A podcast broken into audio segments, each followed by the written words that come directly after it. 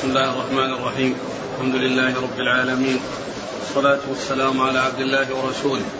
نبينا محمد وعلى آله وصحبه أجمعين.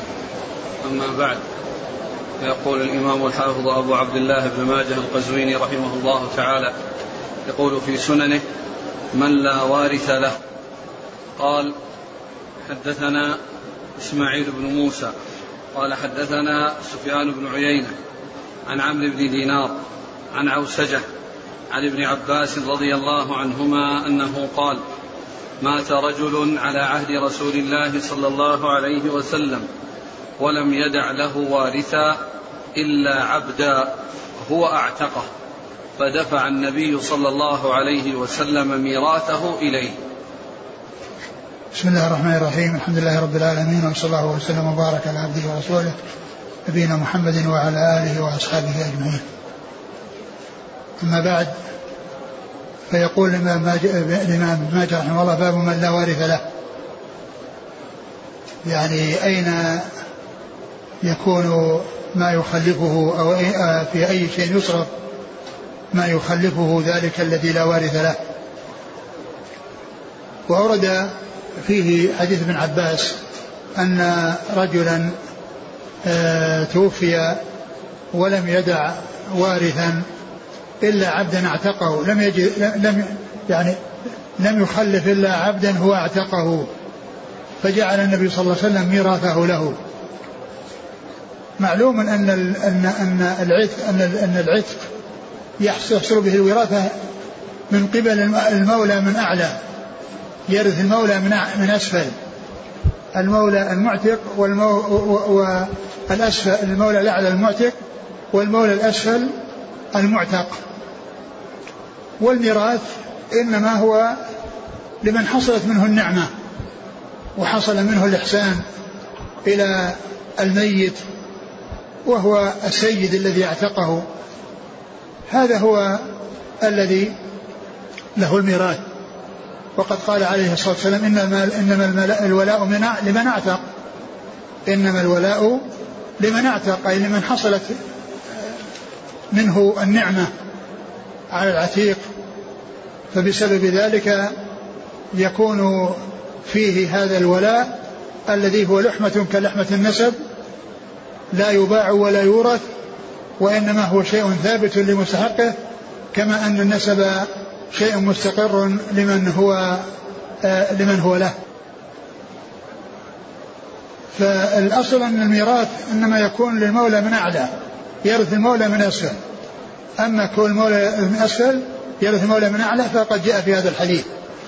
وهذا الحديث تكلم فيه من حي من ناحية من جهة بعض رواته وهو عوسجة وبعضهم آه قال إنه آه، يمكن أن يحسن حديثه ولكن لا يعني ذلك أن المولى من أعلى يكون النصف يكون وارثا ولكن يقال فيه ما قيل في الحديث الذي سبق أن مر وهو أن رجلا آه، توفي ولم يخلف يعني وارثا فالنبي صلى الله عليه وسلم قال أعطوه لرجل من أهل قريته. والحديث سبق أن مر بنا هو حسن أو صحيح. فأعطي إياه لا على أنه ميراث ولكن لأن من لا وارث له يرثه بيت المال. وبيت المال يتصرف فيه الإمام فله أن يوزعه على من يراه وله أن يخص به بعض الناس لا سيما من يكون للميت له صلة بالميت ومن له أي مناسبة آه، تصله بالميت.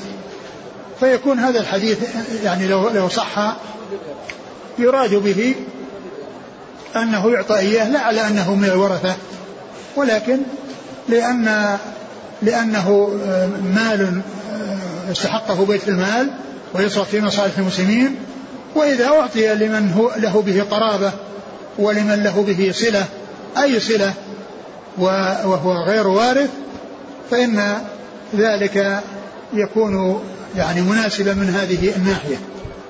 وهذا من جنس ذاك الحديث الذي كما قلت أنه قال أعطوه رجلا من أهل قريته.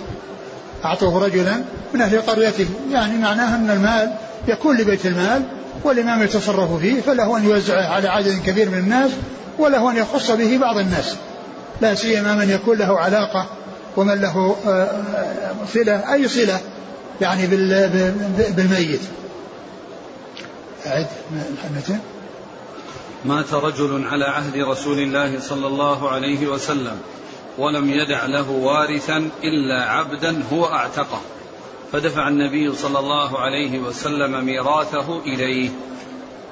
نعم والمولى يعني يطلق على المولى من أعلى ومن أسفل ويطلق على المولى بالحلف ويطلق على المولى بال يعني بال بالإسلام على يديه.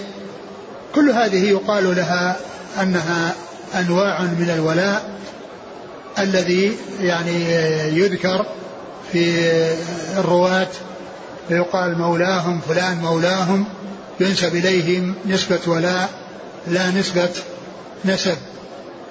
وكذلك أيضا يكون في المولى من أسفل ومن أعلى كل ذلك يقال له مولى ويقال لمن أسلم على يديه أنه مولى ويقال أيضا لمن أعتق يعني من الجهتين الأعلى والأسفل كله يقال له مولى ويقال للحلف أيضا إذا كان التحالف بين قبيلتين فإنه ينسب إلى القبيلة التي حالفها بالولاء. فهذا بالنسبة لما يتعلق بالرواة. وأما يتعلق بالميراث فإنما ثبت به ثبت بالسنة في حق من حصل منه العتق وسواء كان رجلا أو امرأة. ولهذا كما قلت في الدرس الماضي إن النساء لا يرثن بالولاء بالنفس إلا في العتق. فإن المعتقة ترث آه، وتكون عصبة بالنفس ولهذا يقول الرحبي في قصيدة الرحبية وليس في النساء طرا عصبة إلا التي منت بعتق الرقبة. وليس في النساء طرا عصبة. يعني ليس النساء طرا يعني كلهن. ليس فيهن عصبة يعني بالنفس إلا التي منت بعتق الرقبة أي المعتقة فإنها ترث بسبب عتقها نعم. قال حدثنا إسماعيل بن موسى. إسماعيل بن موسى هو؟ صدوق يخطئ خرج البخاري في خلق أفعال العباد وأبو داود والترمذي وابن ماجه. نعم. عن سفيان بن عيينة. ثقة أخرج أصحاب الكتب. عن عمرو بن دينار. ثقة أخرج أصحاب الكتب. عن عوسجة. وهو؟ قال ليس بمشهور أخرج أصحاب السنن. نعم. عن ابن عباس. ابن عباس رضي الله عنهما أحد العباد الأربعة. واحد السبعة المكثرين من حديث رسول الله صلى الله عليه وسلم. وذكر في في في في, في تهذيب التهذيب أن أبو زرعة الرازي وثقه وذكره ابن حبان في الثقات. وتكلم عليه بسبب هذا الحديث. يعني بعض العلماء تكلم فيه بسبب هذا الحديث. نعم. لكن الحديث لو صح فإنه يكون مثل ذاك الحديث الذي مر. ليس من قبيل أنه وارث ولكن من قبيل أنه من أولى الناس بالاستفادة مما يخلفه مورثه مما يكون في بيت المال ويكون يصرف في مصالح المسلمين. فإذا صرف في من له به علاقة ومن له به صلة أي صلة فإن ذلك صرف في موضعه. لكنه لا يكون ميراثا وإنما يكون طعمة وإرفاقا وإحسانا. نعم. قال رحمه الله تعالى تحوز المرأة ثلاث مواريث. قال حدثنا هشام بن عمار قال حدثنا محمد بن حرب قال حدثنا عمر بن رؤبة التغلبي. عن عبد الواحد بن عبد الله النصري عن واثلة بن الأسقع رضي الله عنه عن النبي صلى الله عليه وعلى آله وسلم أنه قال المرأة تحوز ثلاث مواريث عتيقها ولقيطها وولدها الذي لاعنت عليه.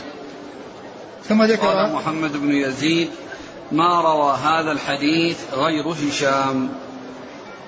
ثم ذكر آه، هذه ترجم باب تحوز المرأة ثلاث مواريث. والمقصود بالحوز أنها تستحق الميراث. كله وأنها تحوزه وتستقل به.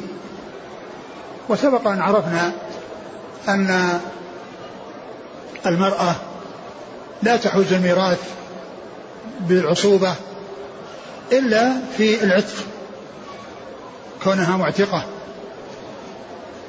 ولهذا هذه الأمور الثلاثة الأول منها صحيح وقد جاءت به الأحاديث. الذي هو عتيقها. يعني تحوز ثلاث مواريث عتيقها ولقيطها وولدها الذي الذي لعنت عليه. فأما عتيقها فهذا لا إشكال فيه وقد جاءت الأحاديث به ويدل عليه عموم قوله صلى الله عليه وسلم إنما الولاء لمن اعتق. وأما لقيطها الذي ليس ابنا لها وإنما التقطته من الطريق وربته وأحسنت إليه فهذا لا يعتبر محرما لها. ولا يعتبر من أولادها ولا ترثه ولا يرثها. اللهم إلا أن يكون ميراثه وضع في بيت المال وأعطيت يعني هي لصلتها به ولإحسانها إليه لكن ليس ميراثا. مثل ما مر في الحديث الحديث الذي قبل هذا وحديث الرجل الذي قال أعطوه رجلا أعطوه رجلا رجلا من أهل قريته. يعني لكونه بصلة وهي لا شك لها لها صلة قوية به وكونها أحسنت إليه وربته ونشأته وحتى يعني مات وله مال وليس له وارث. فهي لا ترثه ولكنها من أولى من يعطى يعني يعني ماله الذي يخلفه أو شيء من ماله الذي يخلفه وهي أولى من أهل القرية.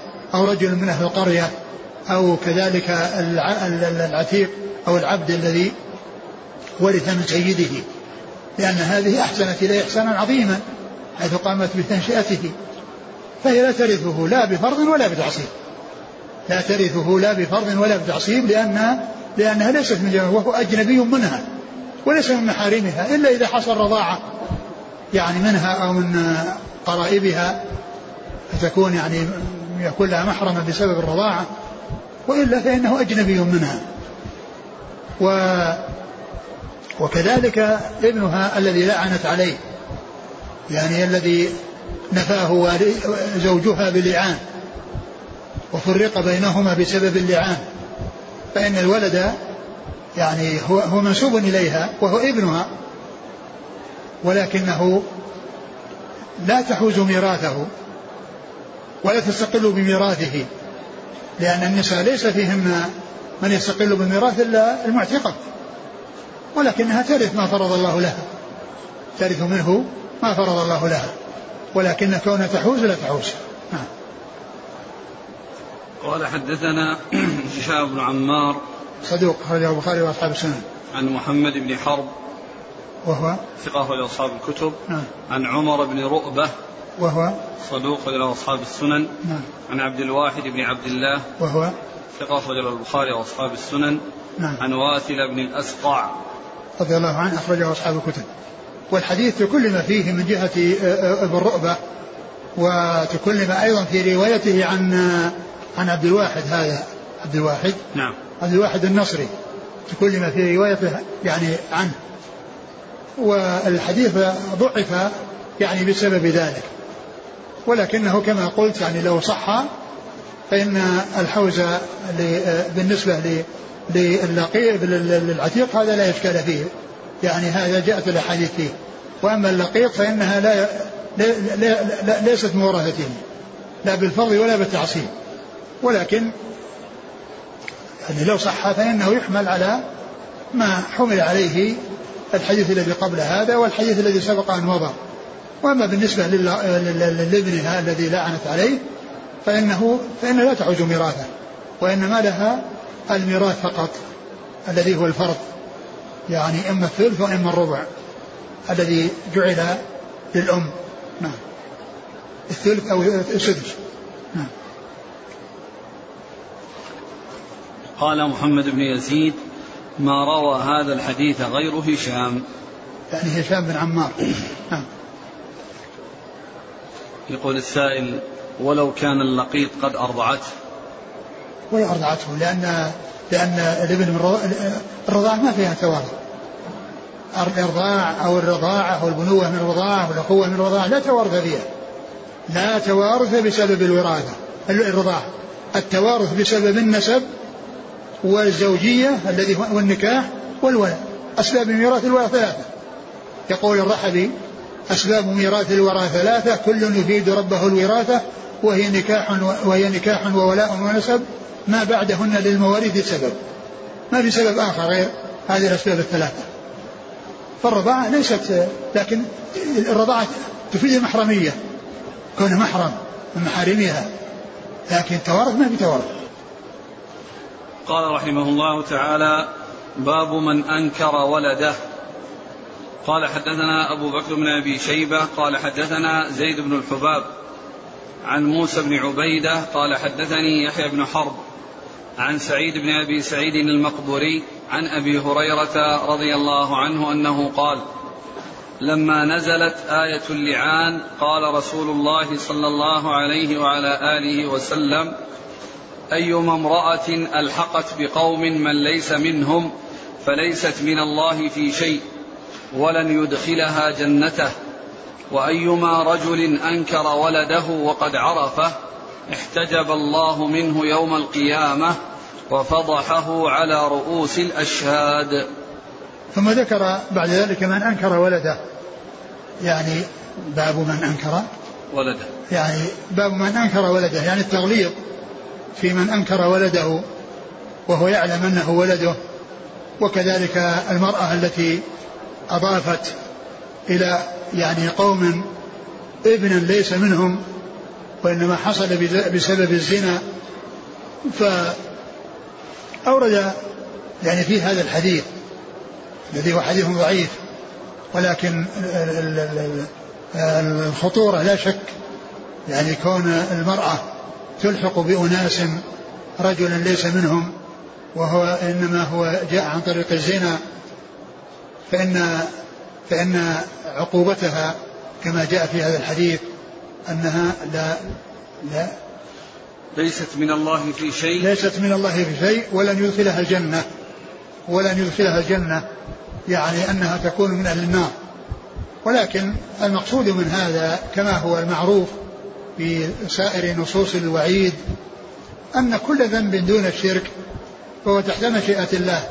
إن شاء عفى عن صاحبه ولم يعذبه وإن شاء عذبه ولكنه إذا عذبه يخرجه من النار ويدخله في الجنة.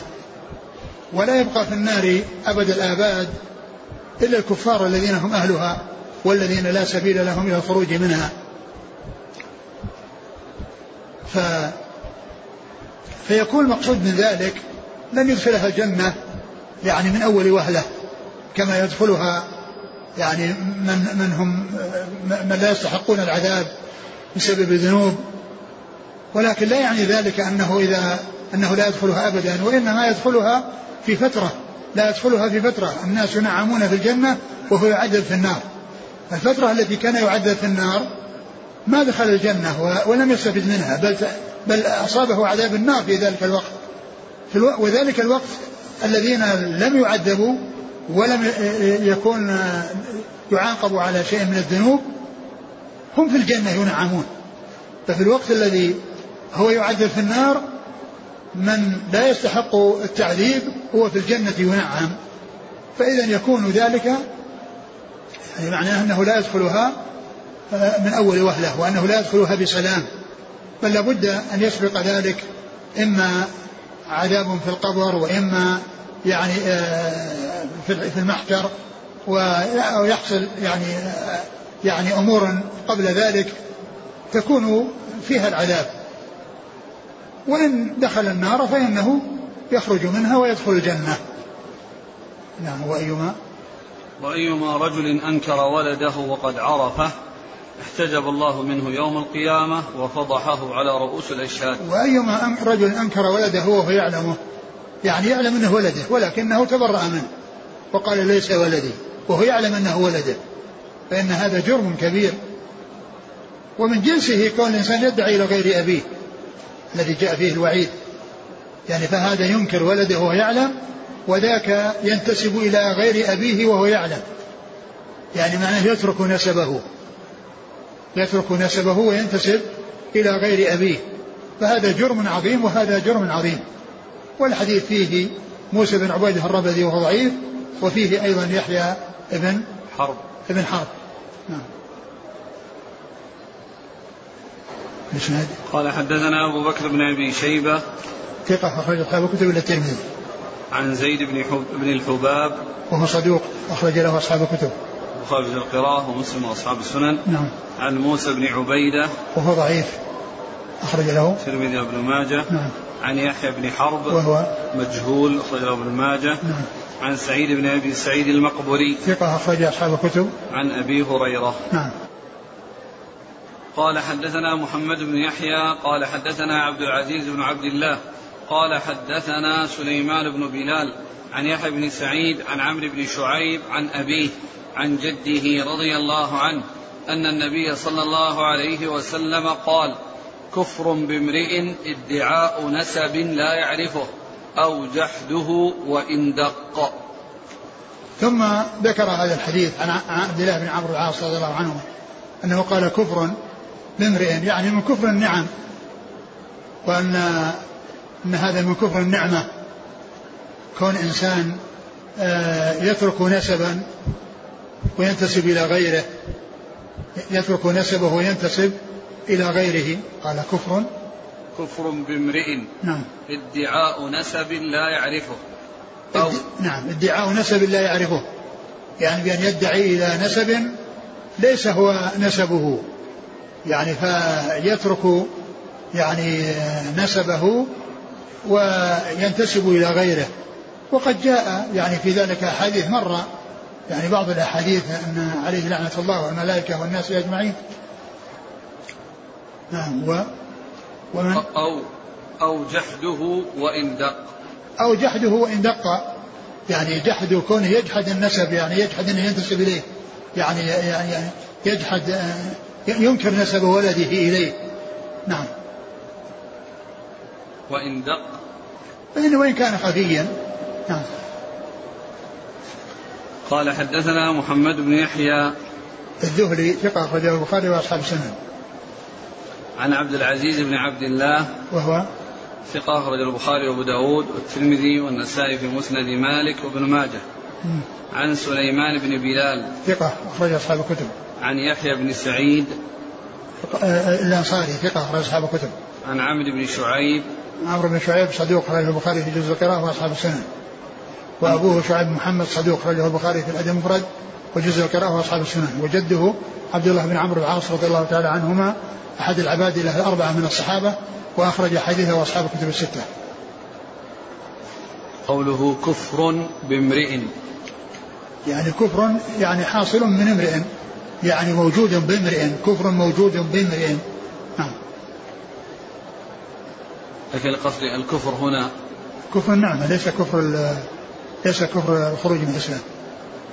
قال إذا يقول السائل إذا انتسب اللقيط إلى من رباه. ليس له أن ينتسب إلى من رباه. لا ينتسب إلى من رباه وإنما يكون له نسب.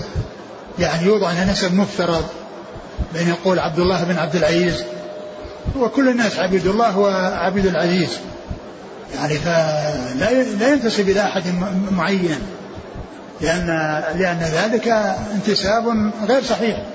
لكن كونه نسب مفترض يعني لا بد من وجوده. هذا هو الذي آه، هو الذي آه، لا بد منه. وأما كونه ينتسب ويقول إنه ابن فلان هذا لا يصح ابدا.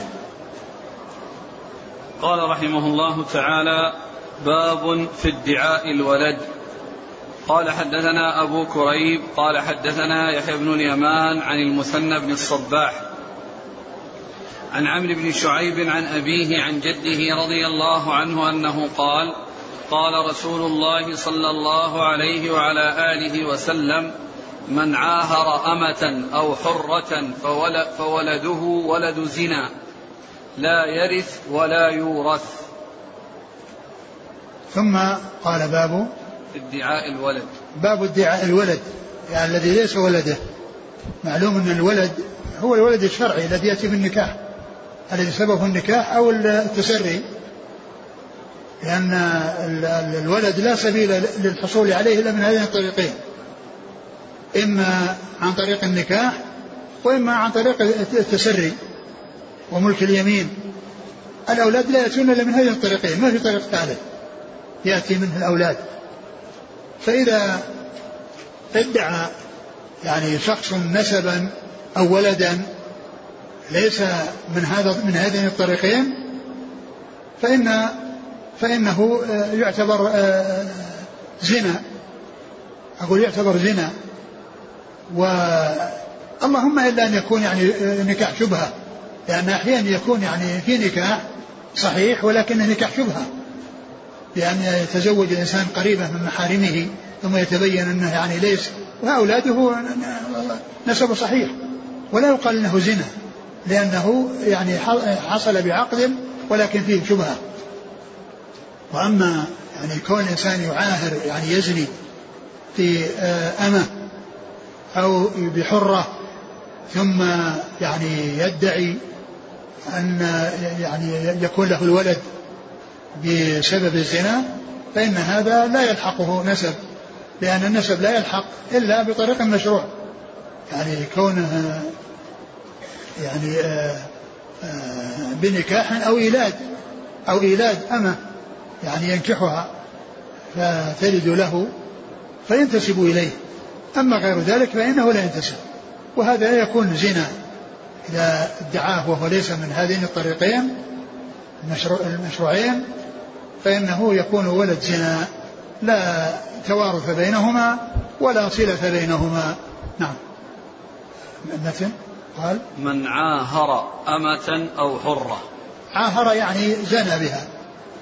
يعني عاهر يعني زنى بحرة أو أمة ثم أتت بولد فإنه لا يكون له. فإن كانت ذات فراش فهو للفراش. كانت ذات فراش إن كانت الزوجة الحرة مزوجة وهي ذات زوج والأمة يعني آه، تحت سيد يطأها فإنها فإن الولد للفراش كما جاء في الحديث عن النبي صلى الله عليه وسلم أنه قال الولد للفراش وللعاهر الحجر. الزاني يعني عاهر الحجر له الخيبة وله التراب وله آه، آه، الحجر الذي هو الرجم إذا كان ثيبا.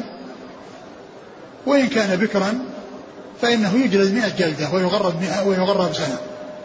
نعم. قال حدثنا أبو كريب. محمد بن العلاء بن كريب ثقة أخرج أصحاب الكتب. وهو شيخ لأصحاب الكتب. عن يحيى بن اليمان. وهو صدوق يخطئ كثيرا. أخرج البخاري في المفرد ومسلم وأصحاب السنن. نعم. عن المثنى بن الصباح. وهو ضعيف. أخرج أبو داود والترمذي وابن ماجه. نعم. عن عمرو بن شعيب عن أبيه عن جده. نعم. ومعنى المتن صحيح أن الزاني لا يمكن أن يحصل ولدا بسبب الزنا ولا ينتسب يعني يعني الولد الذي حصل عن طريق الزنا إليه فلا يكون أبا له. نعم. قال حدثنا محمد بن يحيى قال حدثنا محمد بن بكار بن بلال الدمشقي قال أنبأنا محمد بن راشد عن سليمان بن موسى عن عمرو بن شعيب عن أبيه عن جده رضي الله عنه أن رسول الله صلى الله عليه وعلى آله وسلم قال كل مستلحق استلحق بعد أبيه الذي يدعى له ادعاه ورثته, ورثته من بعده. فقضى أن من كان من أمة يملكها يوم أصابها فقد لحق بمن استلحقه. وليس له فيما قسم قبله من الميراث شيء وما أدرك من ميراث لم يقسم فله نصيبه. ولا يلحق إذا كان أبوه الذي يدعى له أنكره وإن كان من أمة لا يملكها أو من حرة عاهر بها فإنه لا يلحق ولا يورث. وإن كان الذي يدعى له هو ادعاه فهو ولد الزنا لأهل أمه من كانوا حرة أو أمة. قال محمد بن راشد يعني بذلك ما قسم في الجاهلية قبل الإسلام. ثم ذكر هذا الحديث الذي فيه يعني أنهم كانوا في الجاهلية يعني يكون فيه الزنا ويكون فيه الاستلحاق ويكون فيه يعني أمور آه، آه، تخالف الإسلام. وفي آه، وفي وفي الأمور التي كانت في الجاهلية منها ما جاء الإسلام بإقراره. لأن الإسلام لما جاء فيه أمور في الجاهلية أبطلها وألغاها وأنكرها وفيه أمور أقرها مثل الولي في النكاح. الولي في النكاح كان في الجاهلية وأن الرجل عندما يريد امرأة يأتي يخطبها إلى وليها يخطبها من وليها. فهذا مما جاء في الإسلام وأقر كما جاء عن عائشة في الصحيح. هناك أعمال يعني جاهلية أنكرها الإسلام وأبطلها وأعمال أقرها فتكون مقرة بالإسلام. ولما كان الناس في أول الأمر يعني وكانوا يتعاملون في, في, في الجاهلية بمعاملات جاء في هذا الحديث ما يفصل ويبين آه ما ينبغي أن يكون عليه الناس وأن يحكم به بين الناس. فذكر هذا الحديث الطويل مشتمل على على عدة على عدة مسائل. قال الأول كل كل مستلحق استلحق بعد أبيه الذي يدعى له ادعاه ورثته من بعده فقضى أن من كان من أمة يملكها يوم أصابها فقد لحق بمن استلحقه. يعني أن الاستلحاق يعني من الورثة يعني يستلحقون شخصا ويقولون أنه أخوهم وأنه ابن أبيهم فيعني فهذا يقول إن كان آه إن كان يعني هذا الذي آه ادعوه أنه أخوهم كان يعني من أمة يطأها يعني هو نفسه يطأها ليست مزوجة ووطئها إنما هو لزوجها وإنما هي له للسيد هو الذي يطأها أو آه، من أمة يطأها أو؟ من أمة يملكها يوم أصابها آه. فقد لحق بمن استلحقه. نعم. فقد لحق بمن استلحقه. يعني هؤلاء الذين قالوا أنهم أخوهم إذا كان من أمة هو يطأها الذي هو أبوهم هو يطأها فإنه يلحق بمن استلحقه. يلحق بمن استلحقه يعني من يصير أخوهم؟ يصير أخوهم لأنهم لأنه كان يطأ تلك الأمة وقد ولد ذلك الولد على فراشه وهم استلحقوه. وتلك الأمة قد يكون زني بها لكن ولدوا للفراش. فهي فراش. فإذا كانوا استلحقوه من يعني أخلهم من أبيهم من أمة هو يطأها فإنه يعني يكون أخلهم ثم إن الميراث إذا كان قد قسم ميراث قبل الاستلحاق فإنه لا نصيب له فيما حصل قبل الاستلحاق. وما حصل بعد الاستلحاق فإنه له نصيب منه. فإنه له نصيب منه. هذا هذا الكلام هذه الجملة هذه. كل كل مستلحق استلحق بعد أبيه الذي يدعى له. ادعاه ورثته من بعده فقضى أن من كان من أمة يملكها يوم أصابها فقد لحق بمن استلحقه. نعم. لحق بمن استلحقه. الذين هم إخوانه الذين قالوا إنه أخوهم لأنه ابن أمة أبيهم التي يطأها. نعم. وليس له فيما قسم قبله من الميراث شيء. نعم لأن لأن القسم ما قسم في الجاهلية فهو على ما قسم في الجاهلية.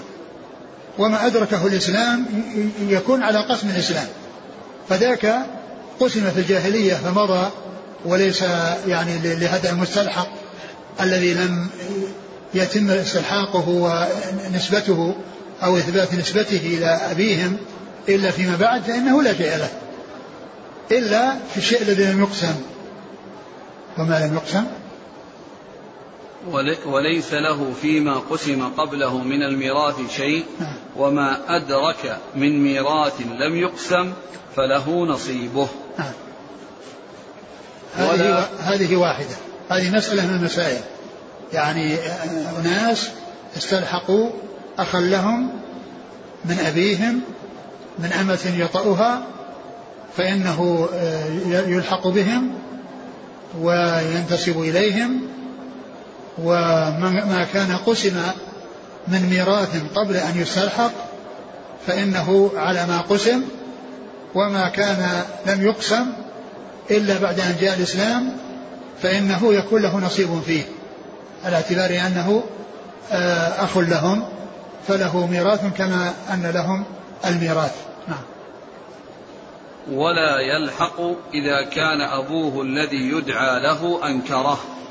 ولا يلحق.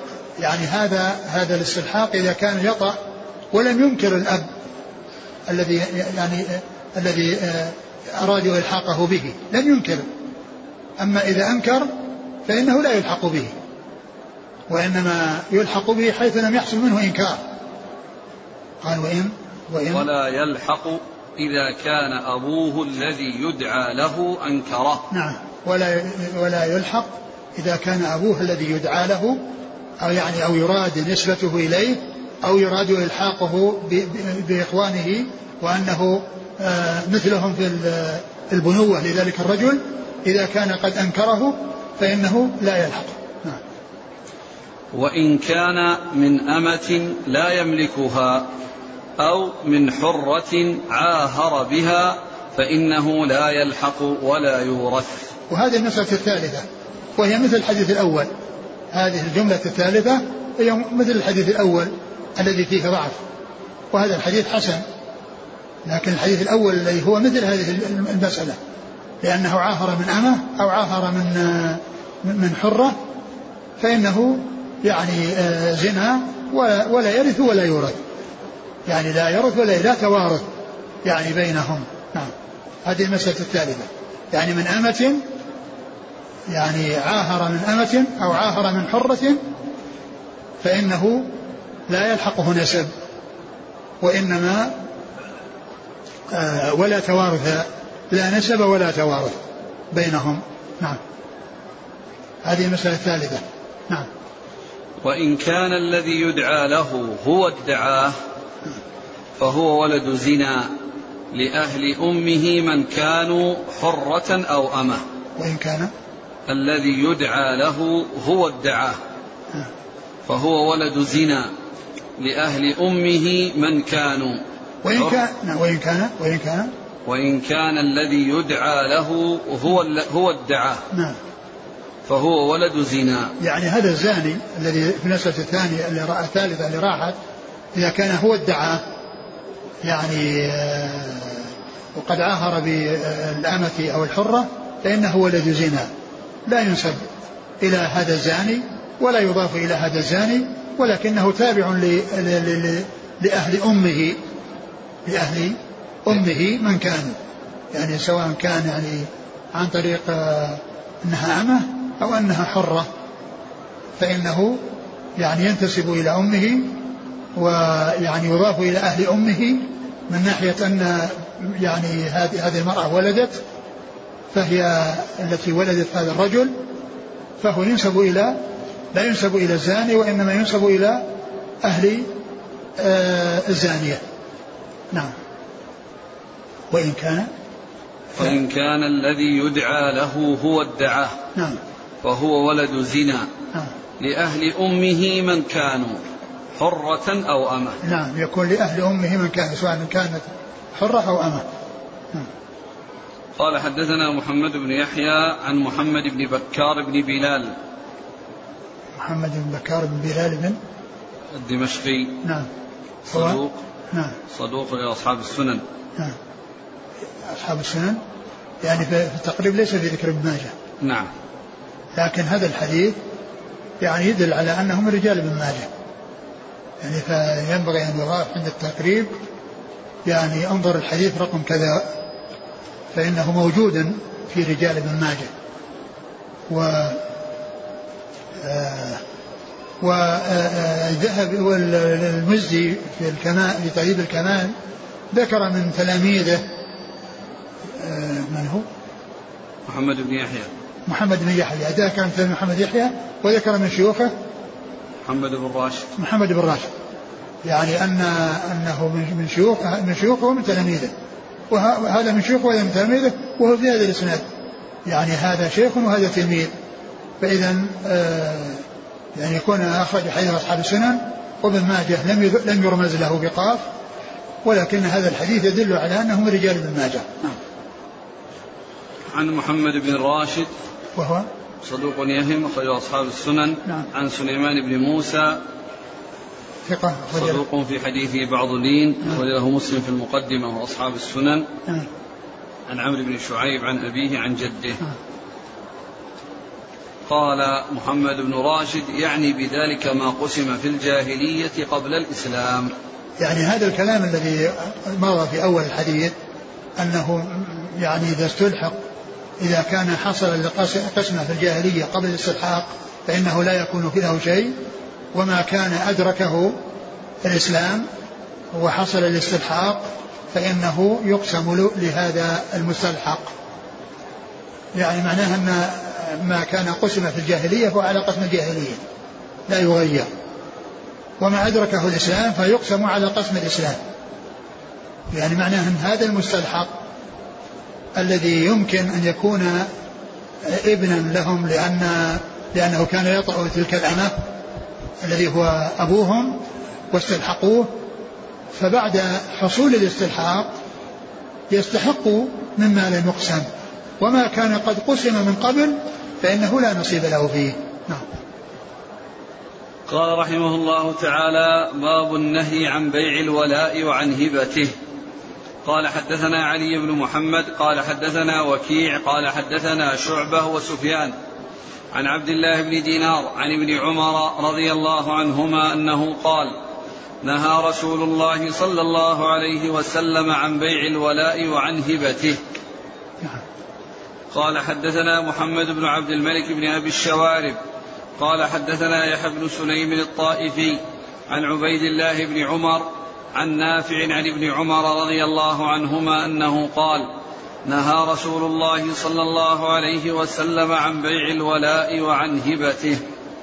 ثم ذكر باب النهي عن بيع الولاء وهبته. الولاء مثل النسب. لا يتصرف فيه الإنسان. شيء ثابت مستقر لصاحب النسب. فكذلك الولاء مثله. لا يباع ولا يوهب.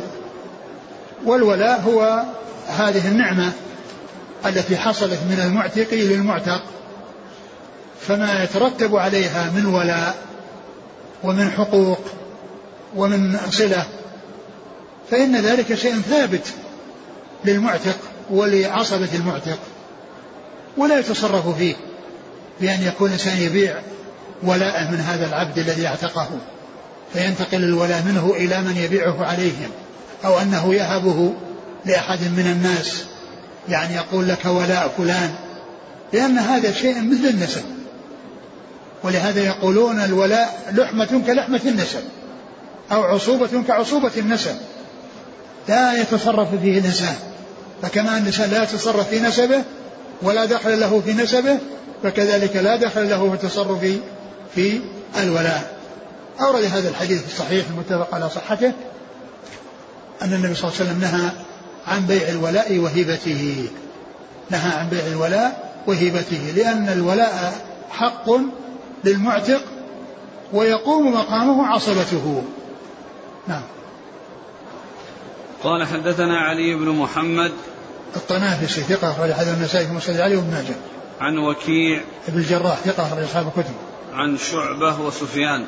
شعبة بن الحجاج ثقة أخرج أصحاب الكتب وسفيان والثوري ثقة أخرج أصحاب الكتب. عن عبد الله بن دينار. وكل من هذين الراويين شعبة وسفيان وصف بأنهما من أمراء المؤمنين في الحديث وهي من الألقاب الرفيعة العالية في التعديل التوثيق. يعني كل من هذين الرجلين وصف بأنه أمير المؤمنين في الحديث. وقد وصف بهذا عدد منهم الطارقطني ومنهم البخاري ومنهم إسحاق بن راهوية. ومنهم عدد يعني وصفوا بهذا بهذا الوصف الذي هو لقب أمير المؤمنين في الحديث نعم عن عبد الله بن دينار عبد الله بن دينار ثقة أخرج أصحاب الكتب. عن ابن عمر. نعم. قال حدثنا محمد بن عبد الملك بن أبي الشوارب. هو صدوق له مسلم والترمذي والنسائي بن ماجه. نعم. عن يحيى بن سليم الطائفي. وهو صدوق سيء الحفظ أخرجه أصحاب الكتب. نعم. عن عبيد الله بن عمر. ثقة أخرج أصحاب الكتب. عن نافع ثقة أخرج أصحاب الكتب عن ابن عمر قال رحمه الله تعالى باب قسمة المواريث قال حدثنا محمد بن رمح قال أنبأنا عبد الله بن لهيعة عن عقيل أنه سمع نافعا يخبر عن عبد الله بن عمر رضي الله عنهما أن رسول الله صلى الله عليه وعلى آله وسلم قال ما كان من ميراث قسم في الجاهلية فهو على قسمة الجاهلية وما كان من ميراث أدركه الإسلام فهو على قسمة الإسلام. ثم ذكر قسمة الميراث وقال إن وذكر هذا الحديث أن ما كان من ميراث قسم في الجاهلية فهو على قسمة الجاهلية. ما يأتي أحد في الإسلام يقول أنا أريد أن يعاد النظر في تلك القسمة. خلاص هذا مضى وانتهى. ولا ولا ينظر فيه. يعني كل قسم حصل في الجاهلية مضى في الجاهلية. لا يعاد في الإسلام. وما أدركه الإسلام يقسم على على قسم الإسلام. وما أدركه الإسلام فإنه يقسم على قسم الإسلام. يعني أورد هذا الحديث المشتمل على هذا وفيه باللعيعة وفيه ضعف. لكن الحديث الذي قبل هذا الذي فيه أن ما كان الذي سلحق وأن ما قسم في الجاهلية لا يكون لهذا المستلحق شيء وأنه يكون له مما مما مما قسم في الإسلام. لأن هذا يشهد لهذا الحديث الذي الذي فيه ضعف لأن ذلك الحديث واضح. أن النبي صلى الله عليه وسلم يعني يعني أن أنه لهذا المستلحق ليس له نصيب مما قسم في الجاهلية. وما لم يقسم في الجاهلية وقسم في الإسلام فإنه يكون له فيه نصيب. ثم أيضا يشهد له الحديث الآخر الذي سبق أن مر بنا وهو لفظ عام يشمل كل قسمة في الجاهلية سواء كانت مواريث أو غير مواريث والحديث الذي سبق أن مر بنا برقم 2400 و 85 عندنا في السنة. 2400 وخمس نعم. على أي ترقيم نعم. على أي طبعة؟ والله ما في طبعة الشيخ ناصر. اللي فيها الشيخ ناصر. 2400 85 كل قسم قسم في الجاهلية فهو على ما قسم. وكل قسم أدركه الإسلام فهو على قسم الإسلام. هذا عام. هذا عام في كل قسمة. يعني في أي شيء يعني نصيبه القسمة أو طريقه القسمة وتم في الجاهلية فإنه لا يعاد النظر فيه في الإسلام. وكل شيء أدركه الإسلام وهو لم يقسم فإنه يقسم على قسم الإسلام. وهذا لفظ عام قال كل قسم فيدخل تحت الميراث وغير الميراث. وهناك أورده في, في, في, في المياه في الأراضي وفي قسمة الأراضي وفي قسمة يعني قسمة الماء. يعني لأنه لفظ عام فيدخل تحته الميراث. الحديث الذي فيه ذكر باللهيعة هنا وهو يعني يروي عنه محمد بن رمح وليس وهو ليس ممن سمع منه قبل الاختلاط. فإن آه فإن آه تلك الأحاديث الصحيحة دالة على ما دل عليه لأن الحديث الأول السابق لفظ عام يشمل كل قسمة. ما ما في ليس خاصا بميراث ولا بغيره. وإنما كل قسمة أو كل شيء مشترك سبيله القسمة إن تم في الجاهلية فهو على ما تم في الجاهلية ولا يعاد النظر فيه في الإسلام. ما أحد يأتي ويقول يعاد النظر فيه حتى يكون لي نصيب. وما أدركه الإسلام وهو لم يقسم يقسم على قسمة الإسلام. قال حدثنا محمد بن رمح. ثقة أخرج حديث مسلم وابن ماجه. عن عبد الله بن لهيعة. نعم وهو صدوق اختلط ورواية العبادلة عنه معتبرة. نعم. له مسلم وأبو داود والترمذي بن ماجه. نعم. عن عقيل. عقيل بن خالد بن عقيل. ثقة أخرج أصحاب الكتب. عن نافع عن ابن عمر. نعم. قال رحمه الله تعالى باب إذا استهل المولود ورث. قال حدثنا هشام بن عمار قال حدثنا الربيع بن بدر قال حدثنا أبو الزبير عن جابر قال قال رسول الله صلى الله عليه وسلم إذا استهل الصبي صلي عليه وورث. ثم ذكر إذا استهل. المولود ورث. باب إذا استهل المولود ورث. الجنين الذي يعني يموت الميت وهو في بطن أمه متى يرث ومتى لا يرث. إن ولد حيا فهو وارث وإن ولد ميتا فإنه لا ميراث له. إن ولد ميتا فإنه لا ميراث له. مات في بطن أمه أو خرج ميتا يعني مات في بطن أمه وخرج ميتا فإنه لا ميراث له. ولكنه يكون له ميراث إذا استهل صارخا يعني بأن يكون يصيح أو يحصل منه عطاس أو يحصل منه بكاء. أو ما إلى ذلك فإن هذا يعني يدل على الحياة فإنه يرث ولو مات بعد ذلك بقليل ولو مات بعد ذلك بقليل لأنه آه لأنه حي وارث. وأما إن ولد ميتا فإنه لا ميراث له. وهذا الحديث ذكر فيه شيئين ذكر فيه الصلاة وذكر فيه الميراث. والميراث معلوم أنه إذا سهل فإنه يرث. إن سهل صارخا بأن صار حيا أو وجدت فيه علامة الحياة بعد خروجه من بطن أمه فإنه يكون وارثا بذلك ولو مات بعد ذلك بقليل. وأما بالنسبة للصلاة فهو كذلك يصلى عليه لكن لا يكون الصلاة عليه مقيدة بأن يستهل وأن يكون حيا بل يصلى عليه لو خرج ميتا ولو سقط ميتا فإنه يصلى عليه. وإنما الذي في فرق بين كونه يستهل أو لا يستهل هذا يتعلق بالميراث. وأما بالنسبة للصلاة ليس هناك فرق بين أن يستهل صارخا أو يعني يخرج ميتا فإنه يصلى عليه.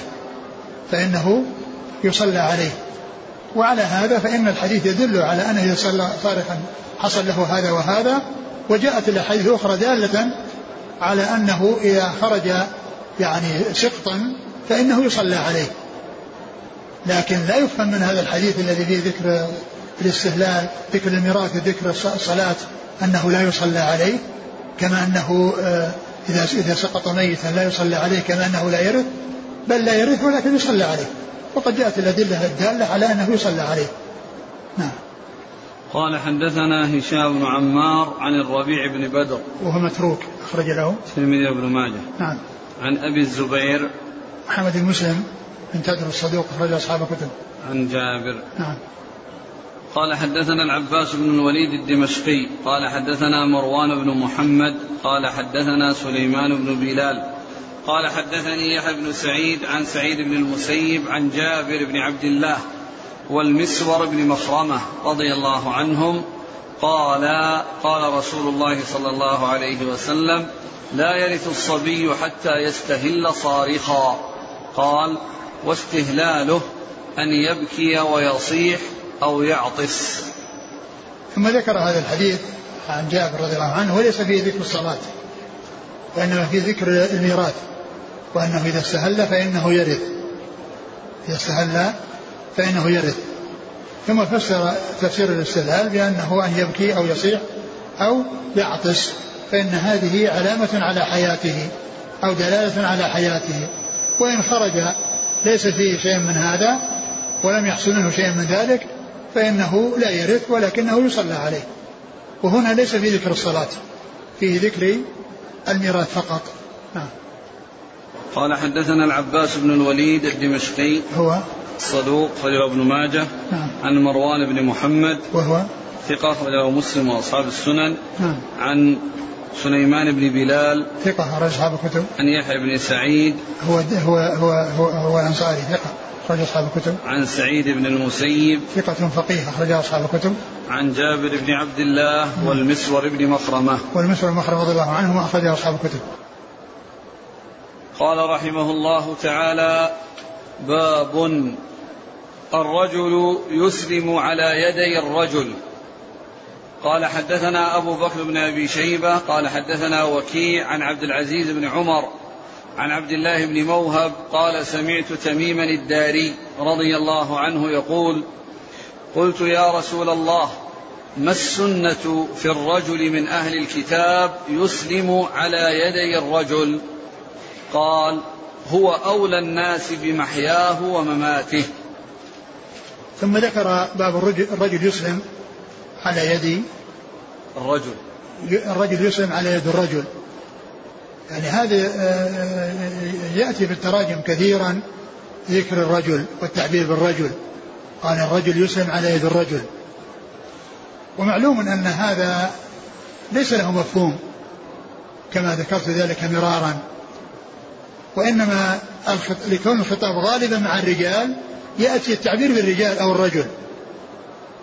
وليس له مفهوم بمعنى أن المرأة لا تكون كذلك وأنها تختلف عن الرجل فالأصل هو التساوي بين الرجال والنساء في الأحكام إلا إذا جاء دليل يدل على تمييز الرجال بأحكام أو تمييز النساء بأحكام.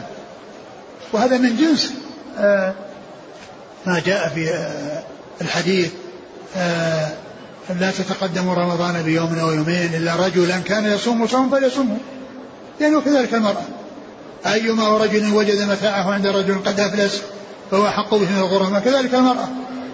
فإذا ذكر الرجال في التراجم أو التعبير بالرجل في الترجمة أو في الحديث لا يعني أن هذا الحكم يختص بالنساء بالرجال دون النساء وإنما يدل على أن أن أنه جاء كذلك لأن الغالب أن الكلام مع الرجال وأن الخطاب مع الرجال. ثم قال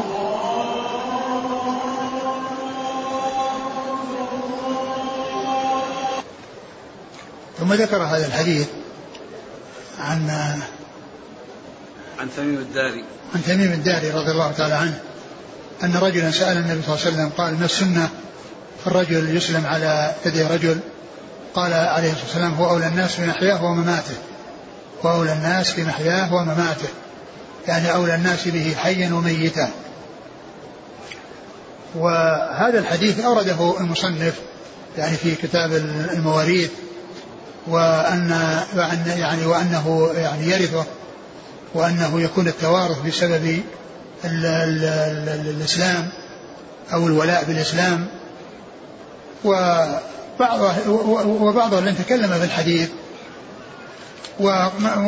وأنه على صحته يكون الكلام فيه مثل الكلام في الأحاديث التي مرت في آه، رجل من القرية. وكذلك المرأة فيما يتعلق ب يعني آه، لقيطها وكذلك ما يتعلق بال المولى من أسفل الذي أعطاه النبي صلى الله عليه وسلم ميراثه. يعني فيكون آه، إن كان حصل له شيء أو أنه آه، إن كانت هذه الأولوية يعني بشيء من المال فإنه من جنس ما تقدم وأنه بسبب هذه النعمة وبسبب هذا الإحسان يستحق أن يقابل يعني بهذا الإحسان الذي هو كونه يكون له يعني آه، آه، ماله أو شيء من ماله. و وهذا يعني الولاء بسبب الإسلام. كما قلت لكم قبل أن الولاء يكون بالعتق ويكون بالحلف ويكون بالإسلام. ومن الولاء الذي بالإسلام الولاء الذي حصل للبخاري الإمام البخاري رحمه الله فإنه مولى الجعفيين بسبب الإسلام لا بسبب العتق. لأن آه، البخاري يقال له الجعفي مولاهم. لأن أحد أجداده أسلم على يد رجل من الجعفيين. فكان ينسب إلى الجعفيين ولاء. يعني ليس بعتق ولا بحلف وإنما بسبب الإسلام. ولهذا يقول النووي رحمه الله لما ذكر أول حديث في الأربعين النووية قال رواه إمام وهو حديث إنما بنيات إنما لكل امرئ ما نوى. قال رواه إمام المحدثين أبو عبد الله محمد بن إسماعيل ابن إبراهيم ابن المغيرة ابن بردزبة البخاري الجعفي مولاهم. الجعفي مولاهم.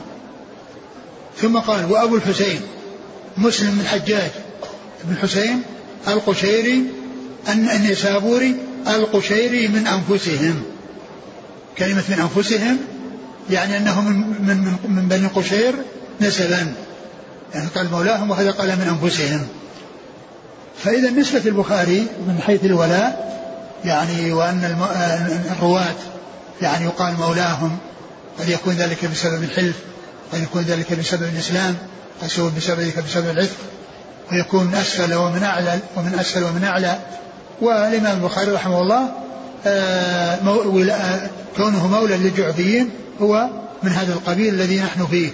وكونه رجل أسلم على يد رجل.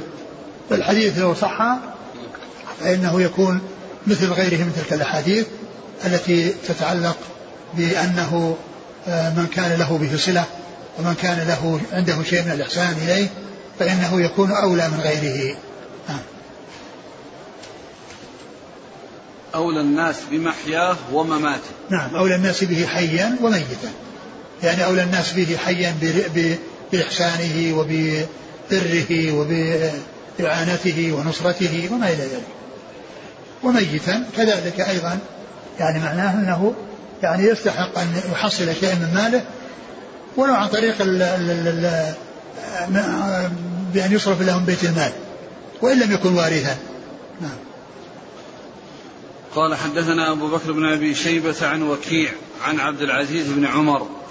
عبد العزيز بن عمر بن عبد العزيز صديق أخرج أصحاب الكتب. عن عبد الله بن موهب. وهو؟ ثقة أصحاب السنن أه. عن تميم الداري. رضي الله عنه أخرج له. وهذه تعليقا مسلم وأصحاب السنن. نعم. والله تعالى أعلم وصلى الله وسلم وبارك على نبينا رسول نبينا محمد وعلى آله وأصحابه أجمعين. جزاكم الله خيرا وبارك الله فيكم ألهمكم الله الصواب ووفقكم للحق. نفعنا الله ما سمعنا وغفر الله لنا ولكم وللمسلمين أجمعين. آمين. آمين. يقول أبناء توفي أبوهم وهم في دولة كفر فقسموا الميراث على تلك القوانين قوانين تلك الدولة. ثم بعد ذلك رجعوا إلى دولة الإسلام. فهل لهم أن يعيدوا قسمة الميراث من جديد طبقا للأحكام الإسلامية؟ نعم لا بد من القسمة في الإسلام لأنه إذا كان قسم على على خلاف الإسلام لأن ذاك في الجاهلية قبل أن يأتي الإسلام. وأما الإسلام لأن أحكامه مستقرة وأحكام معروفة ولا في شيء يقال قسم في دولة الكفر وإنما يعني إنما القسمة يجب أن تكون على وفق الإسلام. يقول الاستهلال للصبي هل له مفهوم؟ أو هل يلحق به كل ما يدل على الحياة؟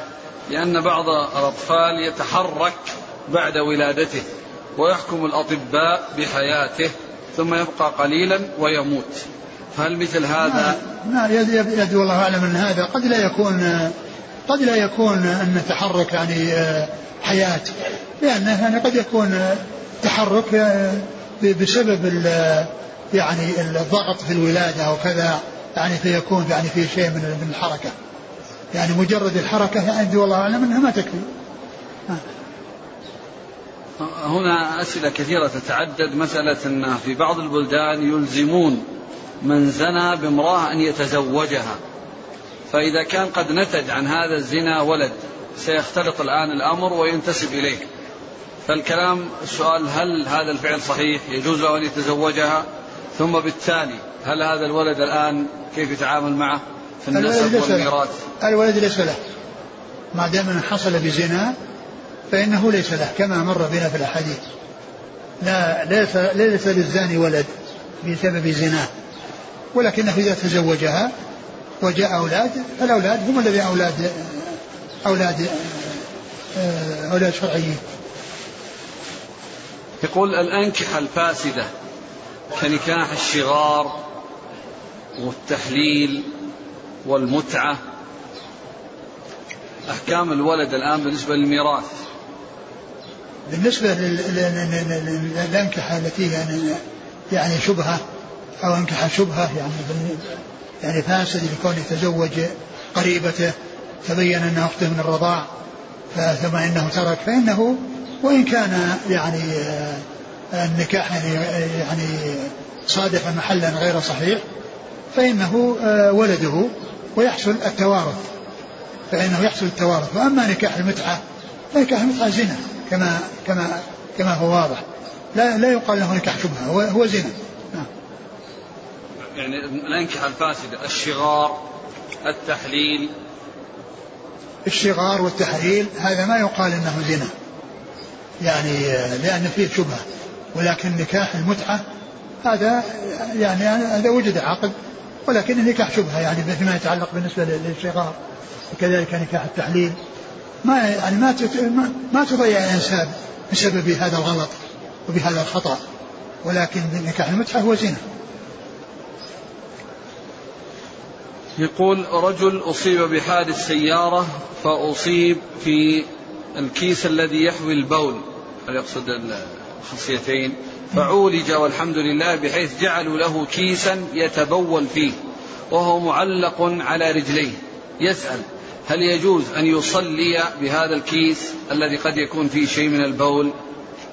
اتقوا الله ما استطعتم. الإنسان يصلي على حسب حاله.